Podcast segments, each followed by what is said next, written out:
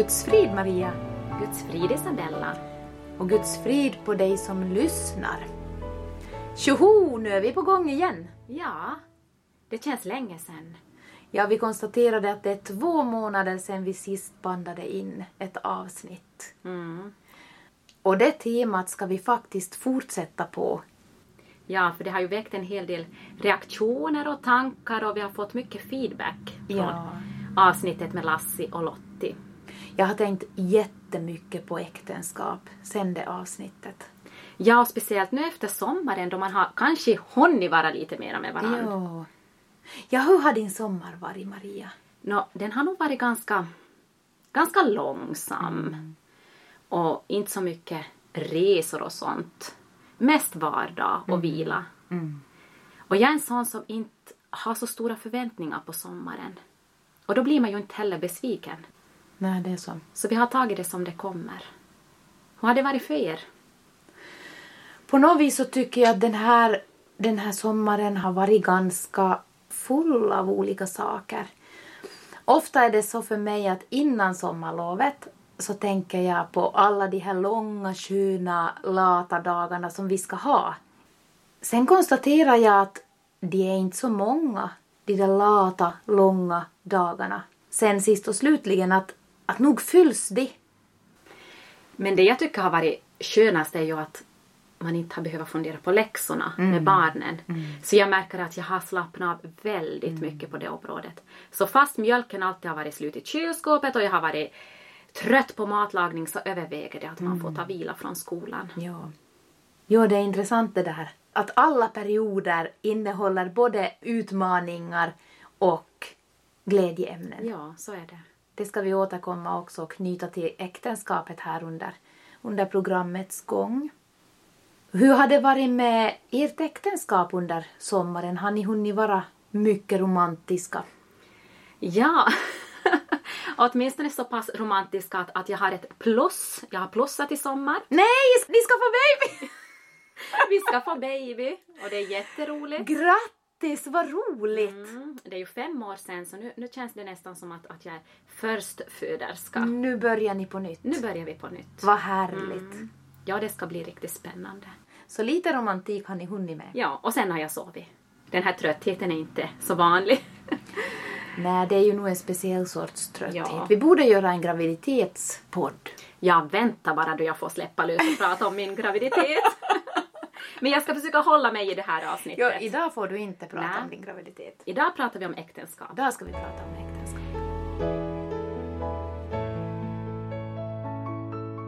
Vilka tankar fick du om vårt senaste avsnitt? Om äktenskapet? Oj, jag har tänkt så mycket på äktenskap efter det avsnittet. På något vis så är ju det här temat det ligger mig varmt om hjärtat också före det där avsnittet. Och vi konstaterade ju, och så länkar du också till den här Yles sidan där det nämndes att, att efter semestrarna och somrarna så, så skjuter skilsmässostatistiken i höjden. Ja. Att det är någonting med det här, ja vad är det? Ja, vad är det? Att man inte är van att vara med varann. Är det det? Att man inte är van att vara tillsammans? Ja, det är ju skrämmande. Det är skrämmande. Och just tillsammans är en sak som lämnar för mig efter det där avsnittet.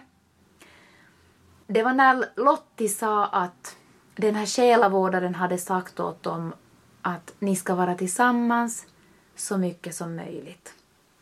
Och jag tänker att det modet som krävdes av speciellt Lottie då, eller av båda egentligen, att kunna vara tillsammans Ja. genom det där svåra, Ja. det svåraste Mm. och det fulaste och, och det där när du helst av allt vill vara själv och slicka dina sår Ja, och tycka precis. synd om dig själv. Och det fick mig att tänka vidare. Hur är det med, med den här egentiden egentligen? När du är gift? Du tänkte då alltså hur viktig den får bli? Jo, vissa perioder, speciellt om du har barn, så måste en vara hemma med barnen man kan inte göra saker i lag, bara som par, Nej. av praktiska orsaker. Men det fick mig att tänka att till exempel i vårt fall när vår yngsta nu börjar i förskolan så finns det egentligen ingen orsak för oss att inte göra saker tillsammans. Vi har möjlighet att fara på länk tillsammans. De klarar sig barnen. Du förstår vad jag Ja, menar? för vi börjar också vara i det skedet. Ja. Att syskonen kan sköta Precis. den där minsta. Så någon gång så tror jag att det är dags igen att börja se på det här med egen tid. Och då menar jag ju förstås inte att man inte skulle få träffa kompisar eller ha sina liksom, egna intressen eller nej, så här. Nej, såklart. Men det, det där diket igen. Ja, ja. Och jag tror på tillsammans. Mm. Ja. Vad tänkte du efter det här avsnittet? Nå, det första jag tänkte var nog att jag var lite tveksam när vi bandade in att, att hjälp, vilken historia de delar med sig av. Hur tar vi emot det, vi andra? Tittar vi som ner på dem och tänker att hur kunde de? Och, nej men hjälp, vilket äktenskap. Och jag bara tänker att jag är inte ett dugg bättre själv.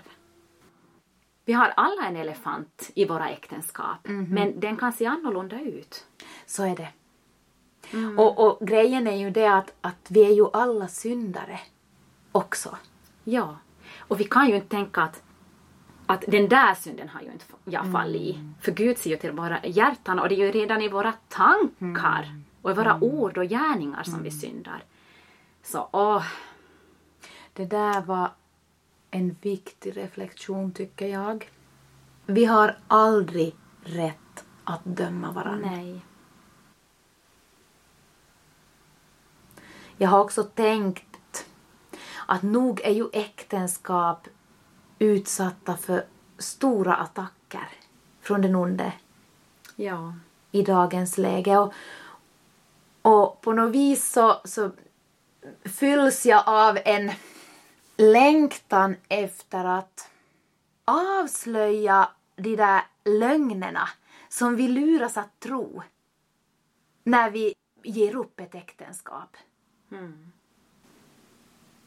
Sen behövs ju sägas förstås att det finns äktenskap där det behövs radikala saker.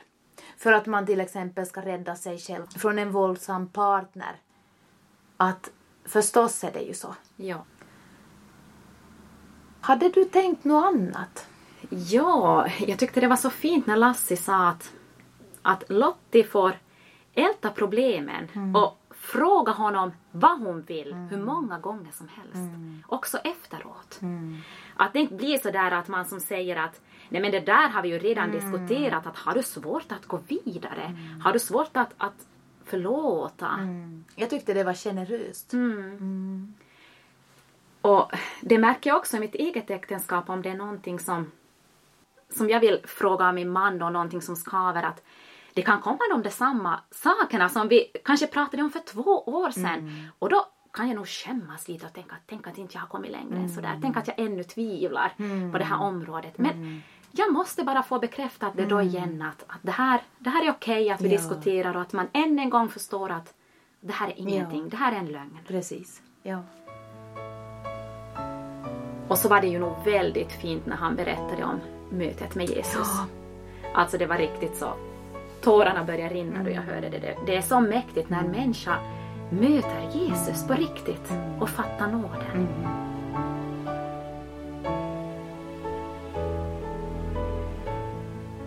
Eh, Maria, vi var ju inne på olika perioder Mm. i livet och, och, och äktenskapet har ju också olika perioder. Och jag har på något vis delat in det så här enligt yttre omständigheter i fem perioder. Mm. Och då börjar vi ju med att man är nygifta. Mm. Om man får barn så kommer ju sen småbarnsåren som kan vara väldigt intensiva. Eh, Samtidigt som karriärsåren går för att du är i den, den åldern att du ska Ja, bygga upp ja, en karriär och får du inte barn så är det ju kanske karriärsbyggandet då eller att hitta som på något vis sin plats som är den perioden. Och sen kommer du till det här att, att barnen börjar i skolan och, och du inte har några småbarn längre. Det, då ändrar det också. Mm. Och, och sen förstås när barnen blir vuxna och flyger ut, där är vi ju inte ännu. Nej. Alla de här perioderna betyder ju att det ser annorlunda ut. Ja. Och jag har också tänkt att det påverkar ju också mycket vilken period man befinner sig personligen. Jo, det är så. Man kan ju ha en, en svacka i sitt mående. Man kan vara, också i unga år kan du Ja. vara deprimerad eller riktigt stressad eller må dåligt. Och där kan det ju också variera. Att ena partnern mår dåligt, den andra mår bra och så blir äktenskapet också sådär periodvis bra, dåligt och det kan, det kan svaja där. Jo, det är ju lättinddelning det här yttre. Men samtidigt så pågår det där som du säger. Ja. Inom båda parterna och, och också med barnen om du har barn. Så Ja. kan de ha svårigheter som, som också kommer att påverka Ja. både familjen och... Ja, för fast den yttre perioden då ser bra ut, man är nygift, att alla antar att nu är de nyförälskade, alltså det, livet går som på en dans. Men så kanske den ena eller båda inte mår så bra. Nej. Ingen kan se utifrån hur ett äktenskap ser ut och i vilken period man befinner Nej. sig.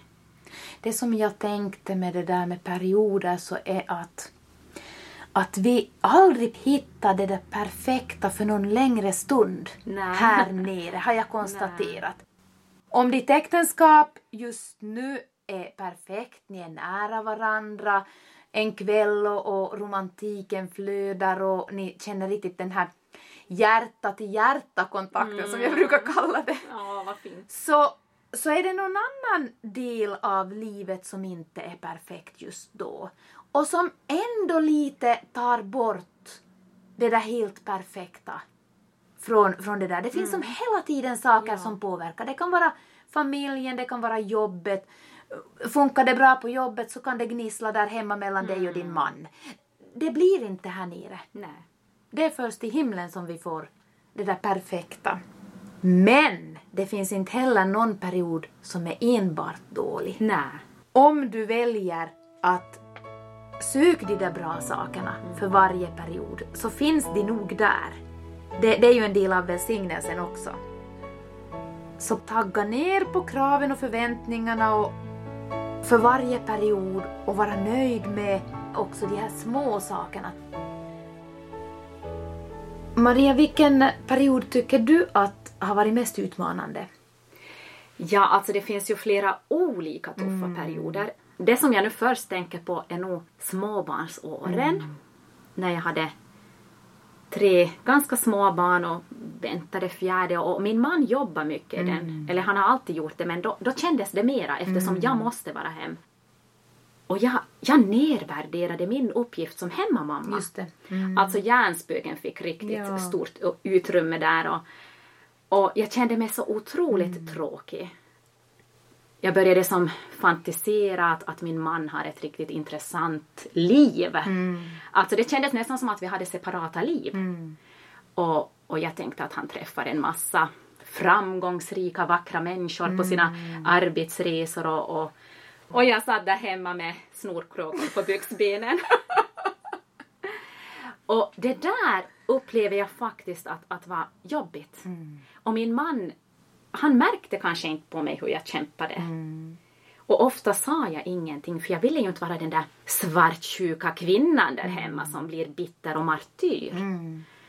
Så vi var ju mycket tillsammans men ändå så, så tar det mycket tid det här arbetet. Och, så det var nog en tuff period. Ja, och där är det ju då samtidigt småbarnsår som karriären, karriären liksom byggs upp på något sätt. Och samtidigt så uppmuntrar man ju till det också. Det var ju jättespännande. Jo, förstås. Och vi behövde ju pengarna, det var Jo. ju husbyggen och Jo. renoveringar. Och, Så man uppmuntrar ju samtidigt som man vill bromsa. Hur har det varit för er? Jag känner igen det där som du säger om arbete. Ja. Eftersom min man jobbar i en säsongsbransch så finns det faktiskt en eh, period som återkommer varje år som är kämpig. Och vi försöker som förbereda oss på den där perioden före och vi försöker som prata att men i år så ska vi nog som försöka hållas nära varann under den där perioden och, och göra vad vi kan för att det ska som funka så bra som möjligt. Och det går ju si och så. Ofta så hamnar vi in i precis samma diskussioner. Men det vet vi ju om, de Mm, perioderna. Men det är nog nästan så att, att våra jobbigare perioder har, har varit relaterade till just de där Mm. stunderna. Och det jag tyckte var som så intressant när jag tänker på våra jobbiga perioder är ju också att samtidigt som jag är den sura martyren så, så har jag också dåligt samvete att jag inte kanske då orkar med allting så länge han är bort. Att nog borde jag ju orka med klädtvätt, matlagning, omskötsel av barnen när han gör så mycket annat. Men det är ju inte det att inte jag ska orka, men det är ju det att det är så tråkigt. Så det tar så emot. Därför vill man ha avlastning. Det är ju inte för att det är jättejobbigt, Nej. men det är tråkigt. Ja. Så, ja, det där kan jag också känna igen. men nu i efterhand, när jag är lite äldre och när jag ser hur snabbt barnen har växt upp, så kan jag inte förstå att jag har nedvärderat mammarollen som jag har gjort. Nu ser man lite mer objektivt på det hela. Ja, det är så. Men om vi skulle se på vilken period tycker du har varit mest blomstrande i ert äktenskap? Ja, den lyckligaste perioden. Eller de lyckligaste perioderna, det går ju upp och ner som sagt. Och nu är det ju att, att vi har berikats med barn. Fast de också tar fram de tuffaste perioderna så är det också de mest glädjande perioderna. Men också att vi har lärt känna varandra och kan kommunicera med varandra på ett djupare sätt och förstå varandra. Det ger mig sån glädje. Och när vi riktigt har de där bra samtalen, när vi känner oss nära varandra, då känner jag att, att det här är en, som en, en lycklig period. Ja. Jo, jag håller med om det du sa att, att det, det har ju in i perioderna funnits både utmaningar och glädjeämnen på båda. Men, men om jag tänker under ett år då så har vi ju vår blomstringsperiod under vintern. När vi har tid för varandra, när vi tankar, det, det finns som tid både att, att umgås tillsammans och som familj och, och det lugnar som ner sig på ett sätt som, som gör att vi kan mötas och som blir så här rofyllt. Och det är ju tack vare att jag vet att de perioderna kommer som vi under åren sen på något vis har, har kommit igenom de här tuffa perioderna.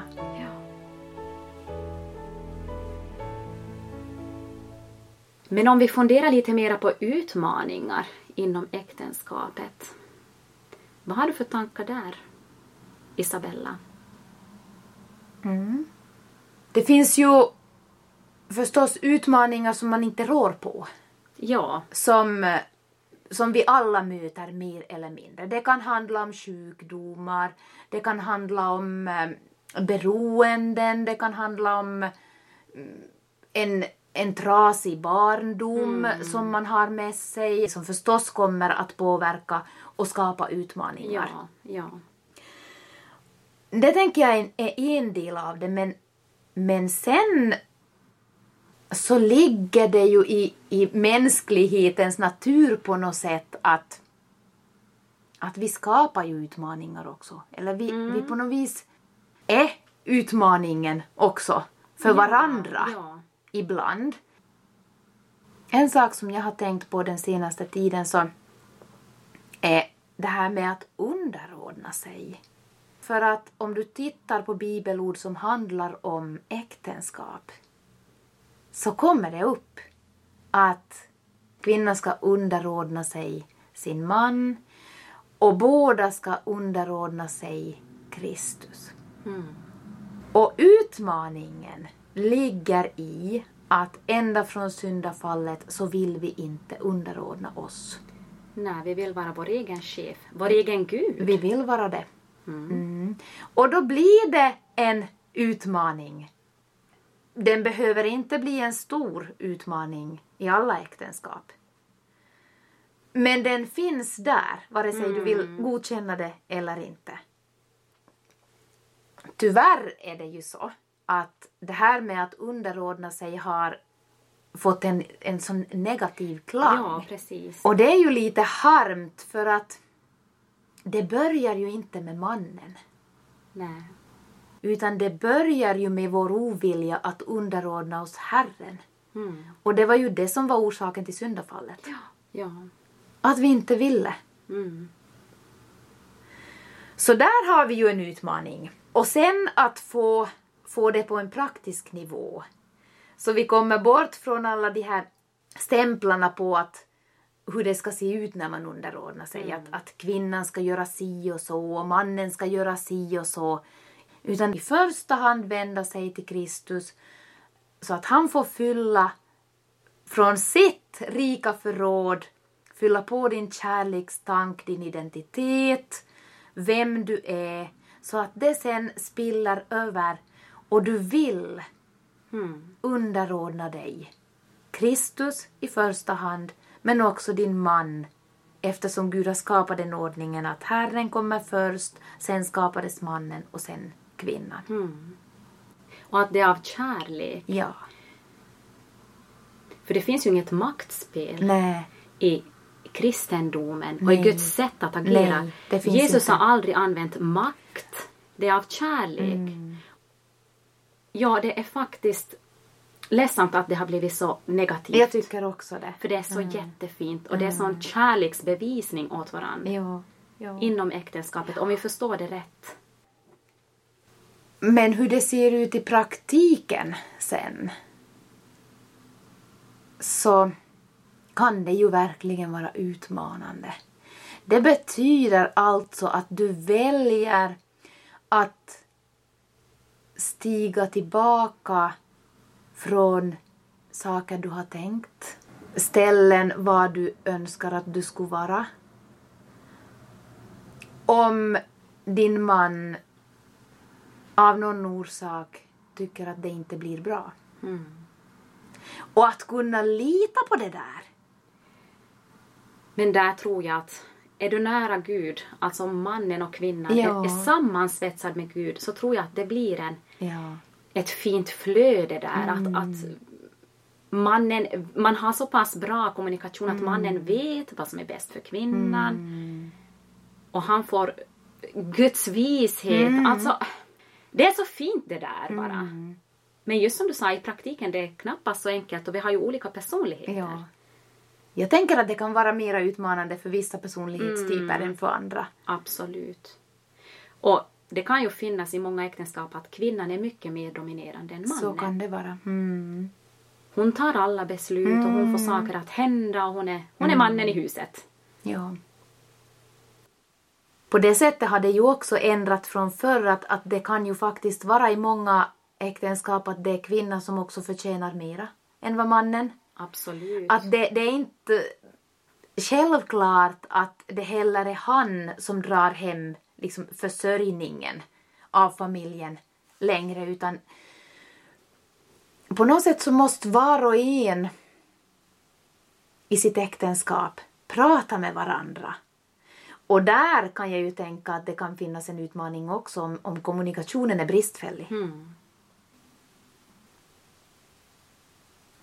Jag har också funderat på den här själviskheten. Mm. Jag läste i en, en bibelplan som handlar om äktenskapet att egen kärlek förhindrar inte bara kärleken utan den förstör kärleken. Och just det här vad man är fixerad av, vad tänker man på, vad pratar man om och vem pratar man om? Alltså vad fyller dig? Det här är så intressant. Vårt ego ta, kan ta så stor plats i äktenskapet att det inte finns rum för, för maken eller makan. Där tänker jag också att vi får, får spegla oss. Ja. Men Maria, jag lämnar och funderar på det där ännu om att underordna sig.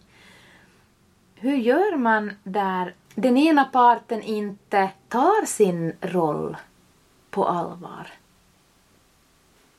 Ja. Jag tror först och främst måste man vända det problemet till Herren Ja. och be om vishet och, och kraft. Och också gå till själavårdare eller äktenskapsrådgivning. Mm. Alltså man måste ju försöka lösa problemet. Jag tänker nog att vi får inte ge upp våra äktenskap för lätt. Nej. Och jag hoppas att vi i det här avsnittet faktiskt får fram att äktenskap och familj, för det första att det är instiftat av Herren Mm. och att det är ett skydd för oss som människor. Att vi är, vi är liksom skapade för att leva i riktigt nära gemenskap bara med vår man och sen med vår familj. Och det är ett skydd. Det är någonting gott som Herren har skapat. Och att det lönar sig att kämpa. Jag tyckte att det var så bra. Jag fick en text av en vän en gång.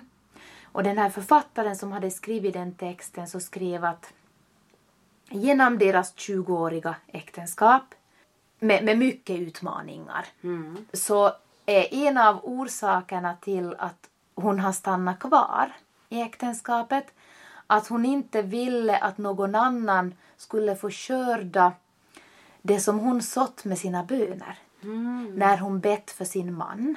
Och jag tyckte att det där var en fin tanke. Att genom bön bära fram sin partner till Herren. För det är ju nämligen så att innan man fann varann så var vi ju Herrens barn. Och han vill ännu hellre än vad vi vill att vår partner ska bli den som han är tänkt att vara.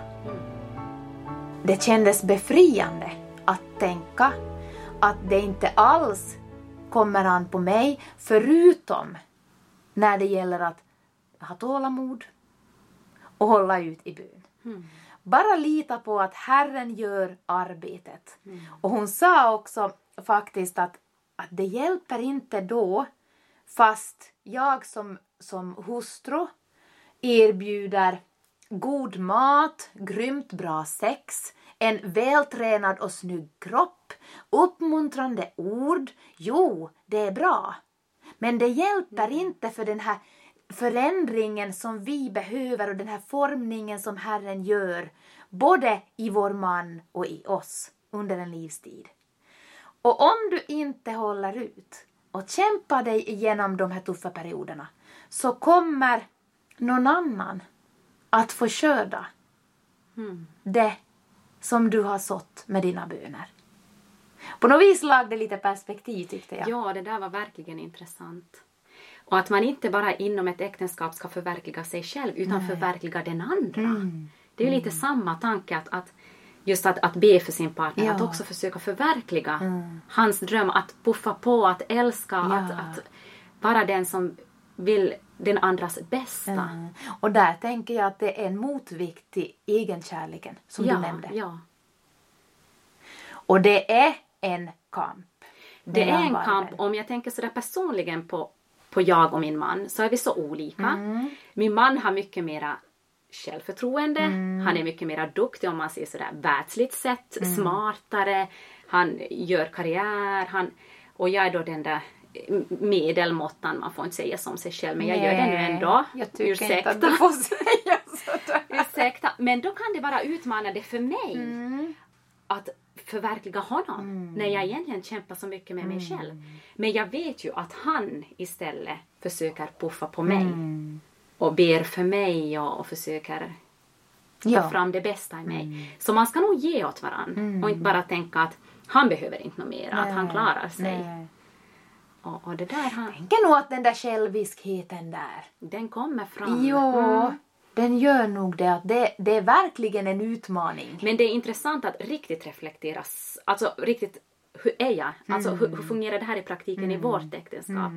Och, och jag känns lite när jag stiger framför Mm. spegeln och ska fundera på det här. Att, att hur mycket puffar jag på min man och, det är nästan tvärtom. Jag bromsar. För jag tänker, vem ska bromsa honom om inte jag?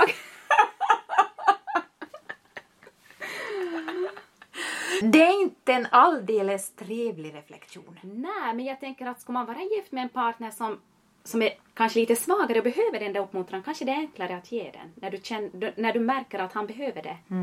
Men alla behöver det. Jo, alla behöver. Alla behöver det, också den starke behöver bli älskad och uppmuntrad och puffad på. Alla behöver. Och det, det är viktigt också i ett äktenskap att, att man bekräftar varandra. Ja. För att annars är risken att du söker den där bekräftelsen någon ja, annanstans. så är det. Men först förstås söka den hos Jesus. Absolut. Alla gånger. Alla gånger.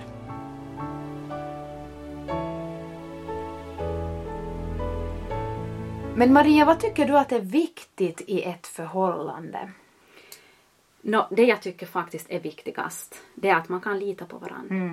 Att det finns ett förtroende och att man kan förvalta ett förtroende som man får.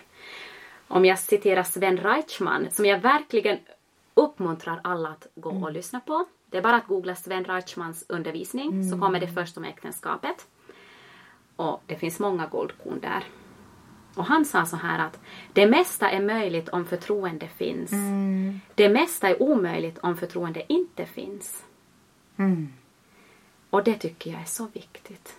Att vi kan lita på varandra. Och att jag kan säga vad jag har på hjärtat åt min man utan att det som han brukar säga min man att det finns en risk om jag berättar det här åt dig nu för sen får jag det sen biter du mig i baken om tre dagar.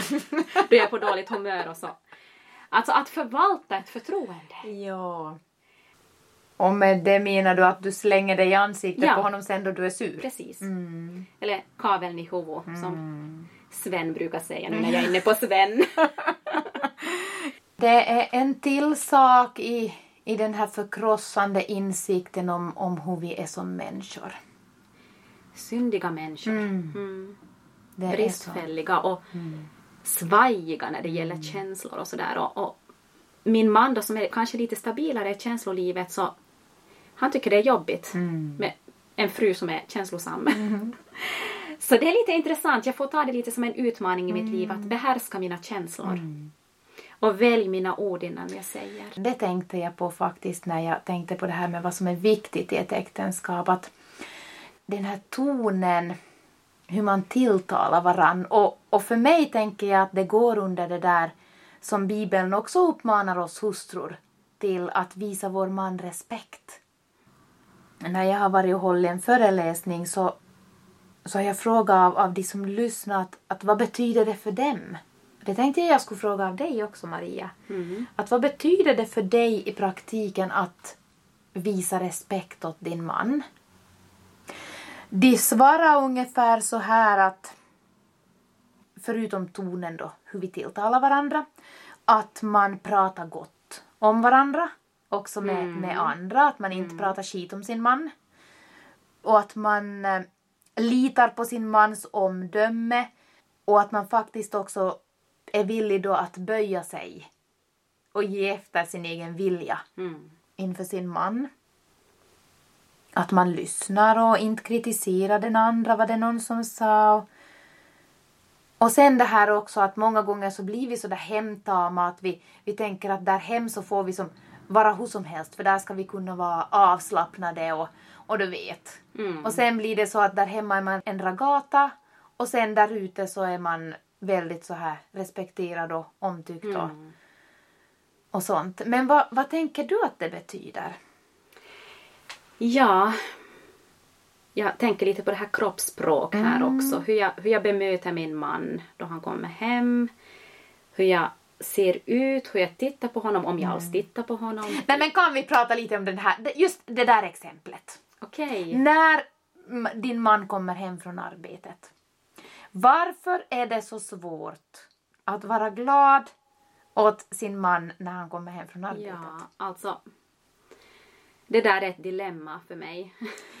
Jag tror att det är för många, för vi har Ja. prat, jag har pratat med många som känner igen sig just i det där. Ja, varför är det så svårt att le och kanske ge en kram? Eller? Ja. Och min man säger ofta att, att han, Han uppskattar otroligt mycket att bli bemött. Alltså när han kommer från jobbet så vill han ha en, en glad hustru. Han brukar skoja och säga att kan du inte vara som vår hund? Hon kommer fram till honom och gläfsar och, och tungan är i ansiktet och så läxar hon sig ner på golvet och ut med benen. så jag har nog att ta efter. Ja, så vi har ju nog försökt att, att nej men nu ska vi börja vara sådär kärleksfulla åt varandra. När vi kommer hem så ger vi varandra en puss och, mm. och en kram och, och frågar hur dagen mm. har varit. Och det håller då kanske fem, sex dagar. Ja, jag känner igen det där. Man tar som nya tag och nya beslut och, mm. och det är väl bra? Det är bra och det är bra att man är varsle om att det finns ja. ett problem, att vi kunde vara mer kärleksfulla. Ja, det är det. Och, och, och, och sen får man bara konstatera att det är så där. Mm. Att man tar nya tag och sen rinner det ut och så är det något annat område som, som inte funkar riktigt bra och, och så tar man nya tag där. Och... Precis. Men varför är det så svårt då att, att le och, mm. och vara trevlig? Mm. Kostar det för mycket? Men det är så tråkigt, han kommer hem på så tråkiga tider precis när jag lagar mat. Som jag hatar.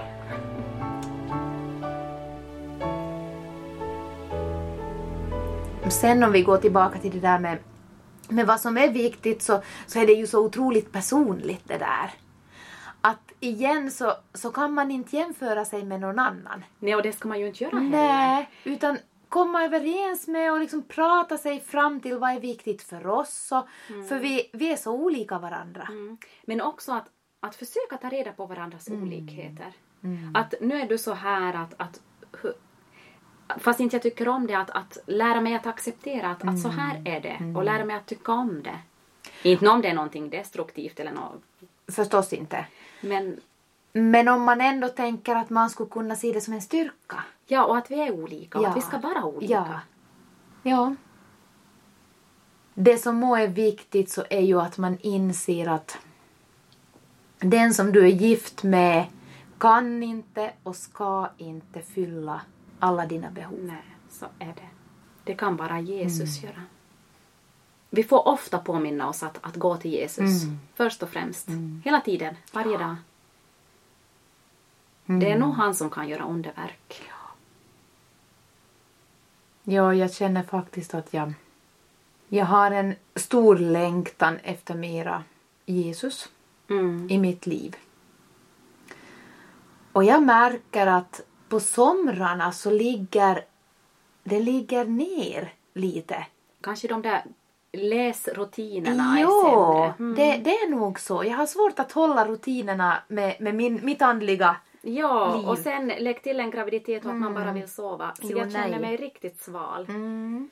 Men jag vet ju att det inte är så. Det, det, är inte beroende på mina nej. känslor, om nej. han är nära. För det är han.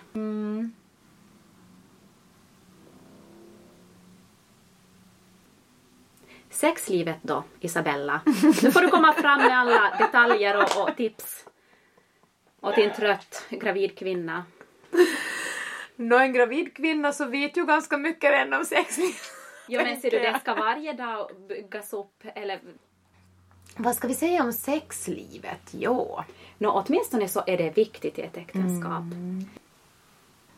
Vi konstaterar ju i ett av vårens avsnitt, jag tror det var moderskapet, att under vissa perioder så är det ju naturligt att, att sexlivet kanske är, ligger lite mera ner. Mm. Och, och lusten kanske efter en, en graviditet är kanske inte på topp mm. och rent, rent fysiskt så kan du vara oförmögen att genomföra sex mm. bara av att du, du har fött barn och så här.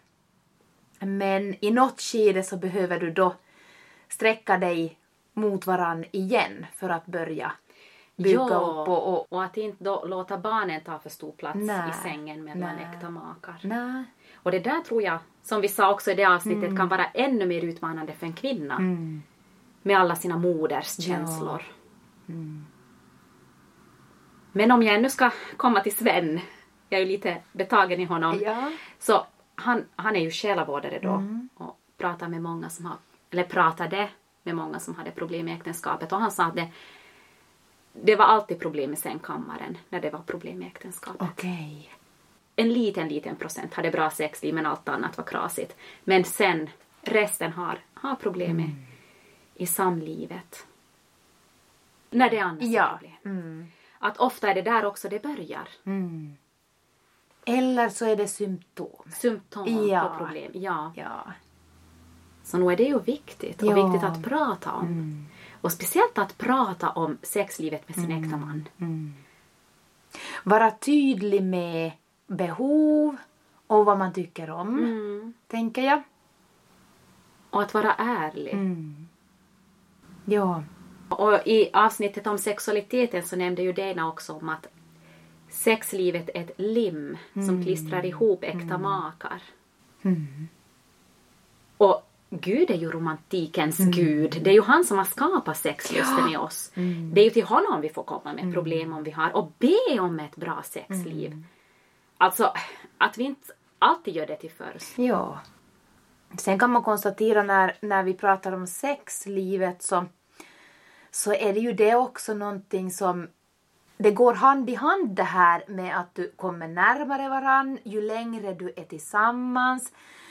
Ju mer du pratar, ju mer du delar av dina innersta liksom, tankar och, och, och behov så, så djupnar också den här kontakten som man får. Ja, och det är ju tvärt emot vad man tänker som Ja. världen tänker att ju äldre du blir och ju sämre sexliv. Ja. Men det är ju tvärtom när Ja. Herren får välsigna Ja, det är så. ett äktenskap. Ja. Att det kan, kan nå nya höjder. Mm. Mm. Mm. Bibeln innehåller ju också en kärleksbok, Höga visan.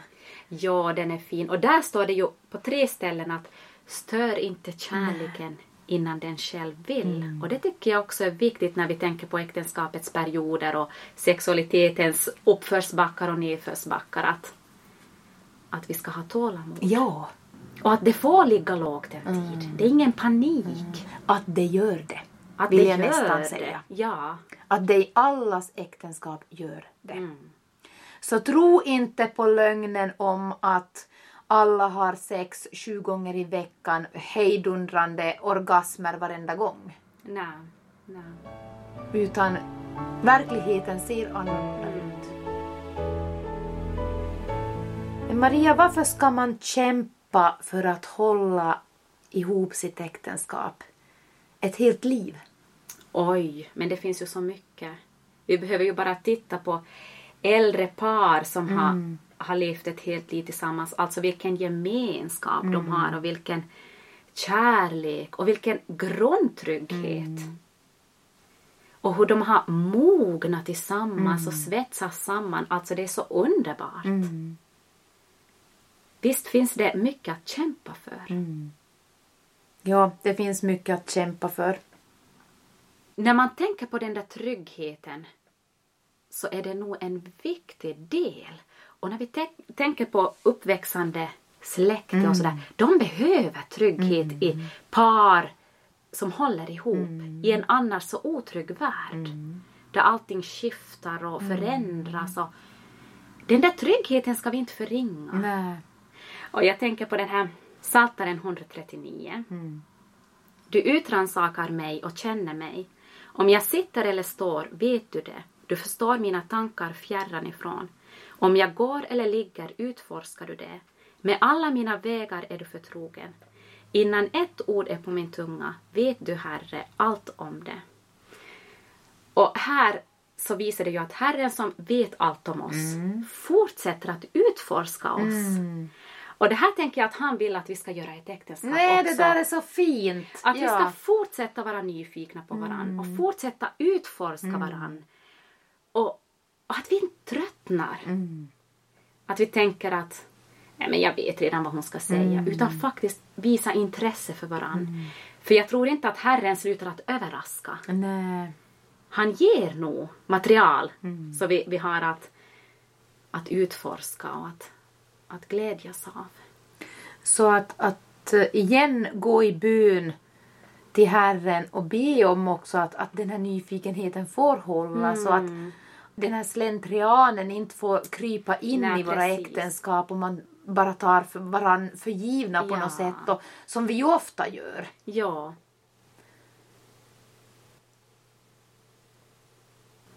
Jag läste ett citat i våras av en som hade skrivit en bok om skilsmässa. Mm. Och, och hon, hon skrev då sådär någonting att det var tur att hon skilde sig så tidigt så att hon ännu hade krafter kvar för att starta nya relationer. Och jag blir alldeles matt när jag hör ett sånt uttalande. För att det lägger ju enorm stress på par. Det hinner ju aldrig lägga sig till ro. Nej. Den här liksom sköna vetskapen om precis tryggheten som du sa Mm. och att man känner varann och, och det, här, det här häftiga med att man om och om igen blir förälskad i samma man eller samma Ja. kvinna. Och vi förändras ju Ja. under ett äktenskap. Vi är ju inte samma Nej. då vi är 60 som då vi var 20. Nej. Att, att ha den där, det där intresset Mm. för varandra och mogna tillsammans. Alltså det är så fint.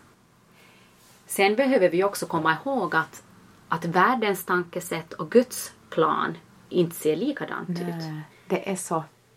Gud förespråkar just det här livslångt äktenskap, att växa ihop, att ha tålamod, att växa, att det får gå långsamt i perioder. Världen tänker på helt annat sätt. Där är det att, hur känner du dig idag? Är du värd något bättre? Jag, jag, jag. Ska jag gå vidare nu? Eh, Uppfyller inte din partner dina, dina behov eller Ja. dina eh, drömmar eller dina önskningar så ska man gå vidare. Och nästan att man ska söka efter problem. Ja. För du är värd något bättre. Precis. Ja. Och att vi faktiskt på personligt plan, plan behöver ha den här personliga relationen med Jesus för att ett äktenskap ska må bra. Att vi måste nog börja där. Och att man tar hjälp när det behövs. Alltså gå till kristen terapeut. Ja. Och det finns ju många intressanta äktenskapskurser idag. Jag skulle vilja på en sån där kurs bara, bara för att stärka. Man behöver inte ha problem för att gå på en kurs. Nej, det är så. Och vi behöver starka äktenskap i vårt samhälle för att också hjälpa andra. Den här författaren som hade skrivit den där texten som jag hänvisade till här före så hade en, en riktigt fin bön. Jag tänkte om vi skulle avsluta med den. Ja. Vi ber. Gud fader, tack för att du sköter om mitt hjärta. Jag ber för den man som du har gett mig. Redan länge innan han var min tillhörde han dig. Du älskar honom många gånger mer än jag någonsin kan. Jag ber att du låter honom se på sig själv som du ser honom. Öppna hans hjärta för att ta emot din kärlek och din vishet. Lär honom hur han ska vara familjens huvud. Hjälp mig att tro att ditt ord är sanning och att vara tålmodig. Hjälp mig att vara en sån hustru som min man behöver och att se på honom som du ser på honom. Gör honom till en sån man som du tänkte att han skulle bli. Amen.